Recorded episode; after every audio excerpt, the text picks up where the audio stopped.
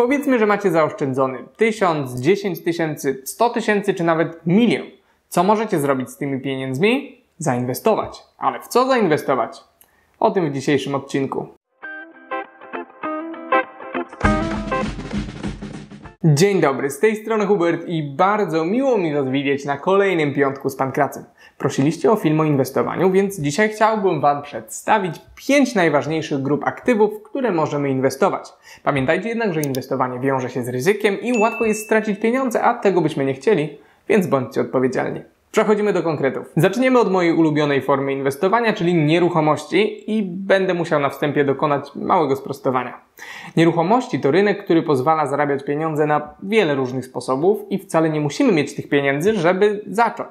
Możemy na przykład zostać pośrednikiem, który pomaga sprzedającym znaleźć klientów, a kupującym mieszkania spełniające ich warunki i zarabia na prowizjach. Musimy jednak zauważyć, że nie jest to inwestowanie. W przypadku pośrednictwa nie ma co do tego żadnych wątpliwości, ale wiele osób, które są fliperami, uważa się za inwestorów. Dla tych z Was, którzy nie wiedzą, czym jest flip, polega to po prostu na kupieniu czegoś taniej i sprzedaniu drożej. Zazwyczaj po drodze zwiększamy wartość flipowanego przedmiotu i w przypadku mieszkań zazwyczaj oznacza to zrobienie remontu, odświeżenie czy uregulowanie kwestii prawnych.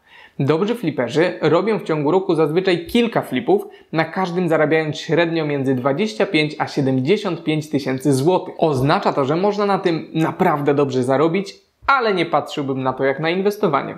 W mojej opinii należy myśleć o tym bardziej jako pracy, bo szczególnie na początku będzie to bardzo angażujące zajęcie. Można by stwierdzić, że skoro wykorzystujemy własne środki, to inwestujemy, no i jest to dosyć logiczne, jednocześnie Dzisiaj skupimy się na inwestycjach, które bez problemu wykonamy po godzinach i dlatego temat flipów tak czy inaczej na razie zamykamy. Inwestowanie w mieszkania na wynajem nie zostawia nam jednak żadnych wątpliwości.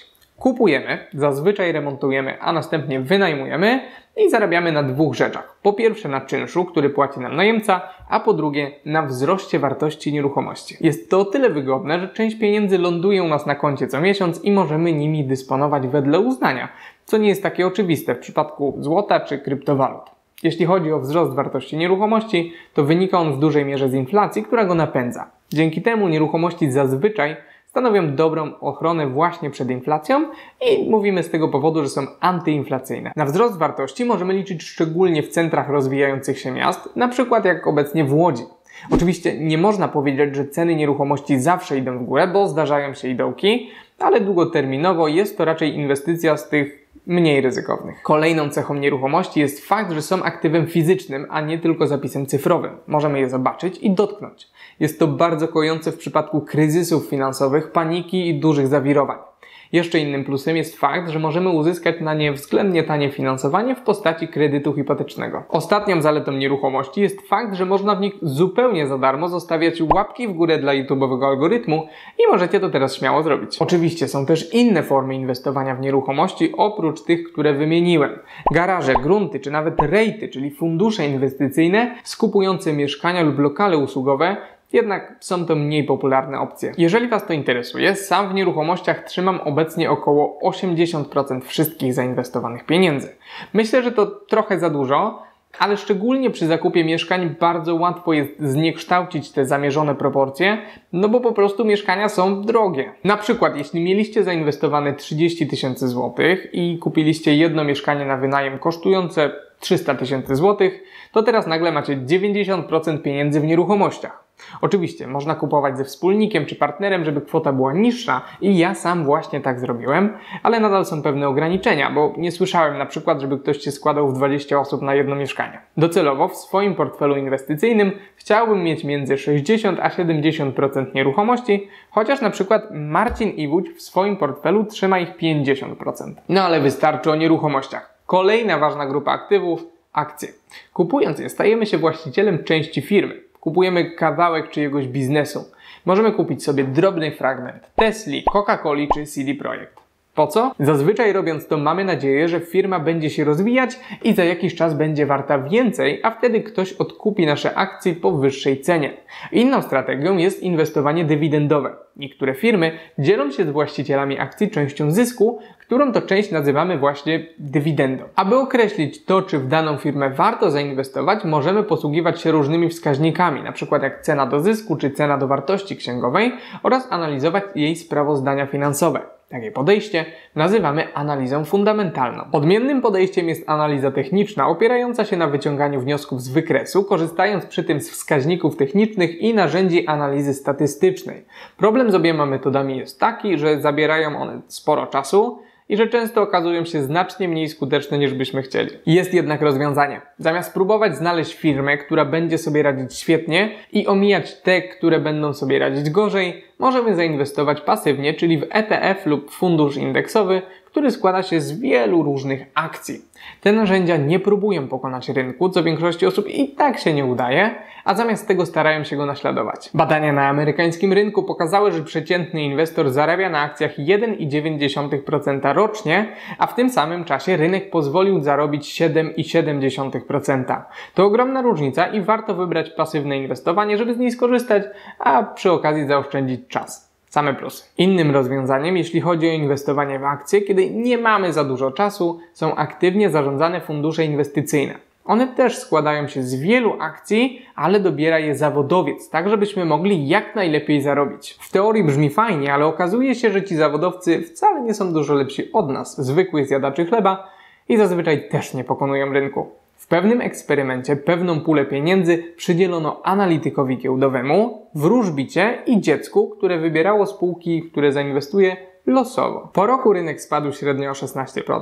W tym samym czasie zawodowy inwestor stracił 46,2% pieniędzy. Specjalistka od astrologii finansowej 6,2%, natomiast czterolatka mimo powszechnych spadków zarobiła 5,8%. To jest oczywiście dowód anegdotyczny, ale okazuje się, że nie jest to odosobniona sytuacja. Zarządzający żyją z prowizji, które płacimy bez względu na to, czy zarobimy, czy nie, więc ma to dla nich znaczenie drugorzędne. Zresztą oni też nie wiedzą, co się wydarzy w przyszłości i w co warto inwestować. Jeśli chodzi o akcje, to ja mam w nich obecnie około 10% portfela i zamierzam tę wartość zwiększać do jakichś 20-25%. Wszystko w tym momencie trzymam w funduszach indeksowych, ale zdarza mi się także kupować pojedyncze spółki. Trzecim ważnym elementem portfela inwestycyjnego są obligacje. Są to papiery dłużne, a więc można powiedzieć, że pożyczamy pieniądze na jakichś określonych warunkach. Często dostaniemy za to jakiś procent w skali roku, na przykład 1,5%. Obligacje zazwyczaj nie dają nam zarobić tyle co akcje, za to uchodzą za bardzo bezpieczne i mało ryzykowne. Ale nie zawsze tak jest. Możemy pożyczyć pieniądze państwu, kupując obligacje skarbowe, które rzeczywiście są bardzo bezpieczne. Możemy też kupić obligacje korporacyjne, które już takie bezpieczne nie są, bo firma może zbankrutować. Pamiętajcie, że dłużnik dłużnikowi nierówny i zawsze musimy myśleć o tym, komu pożyczamy pieniądze. Ze względu na sytuację gospodarczą, obecnie obligacje raczej nie są jakimś superproduktem. Do niedawna mogliśmy kupić całkiem niezłe dziesięcioletnie obligacje skarbowe indeksowane inflacją, ale ich warunki się pogorszyły i obecnie nie mam w portfelu niemal żadnych obligacji. Na pewno jednak za kilka lat albo dziesięcioleci sytuacja się odwróci i obligacje wrócą do łask. Czwarte aktywo, o którym chcę wspomnieć, będzie dla odmiany najmniej bezpieczne i będą to słynne kryptowaluty. Znam się na nich najmniej, więc nie będę się wymądrzał i omówimy je bardzo krótko. Do wyboru mamy króla kryptowalut, czyli Bitcoina, Ethereum oraz bardziej niszowe altcoiny jak Tether, Polkadot czy chociażby Dogecoin. Aktywa ciekawe, ale o dużej zmienności, co oznacza, że cena bardzo się waha.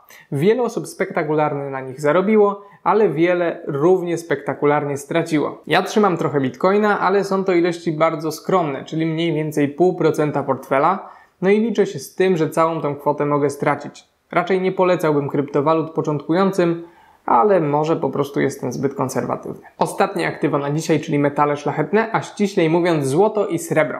Obydwa pełnią trochę inne funkcje, ponieważ srebro jest znacznie szerzej stosowane w przemyśle, ale i jedno i drugie jest świetnym zabezpieczeniem na wypadek naprawdę kryzysowych sytuacji.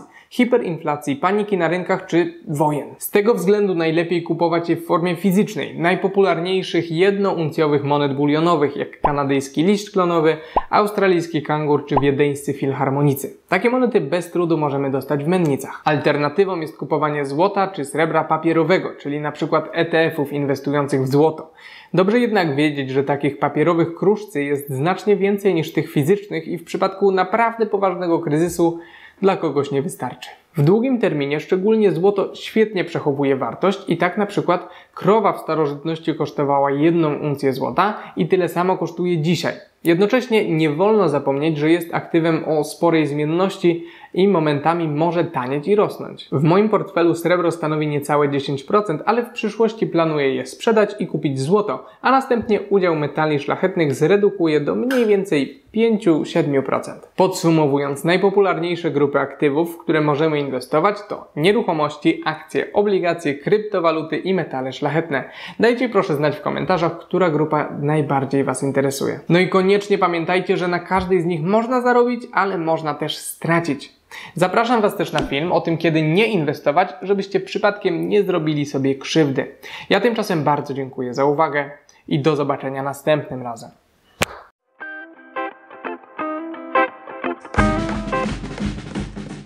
Moi drodzy, to jest ostatni odcinek, który nagrywam w tym miejscu i nie wiem jak teraz będą wyglądać piątki z pankracym, ale na pewno szykują się zmiany.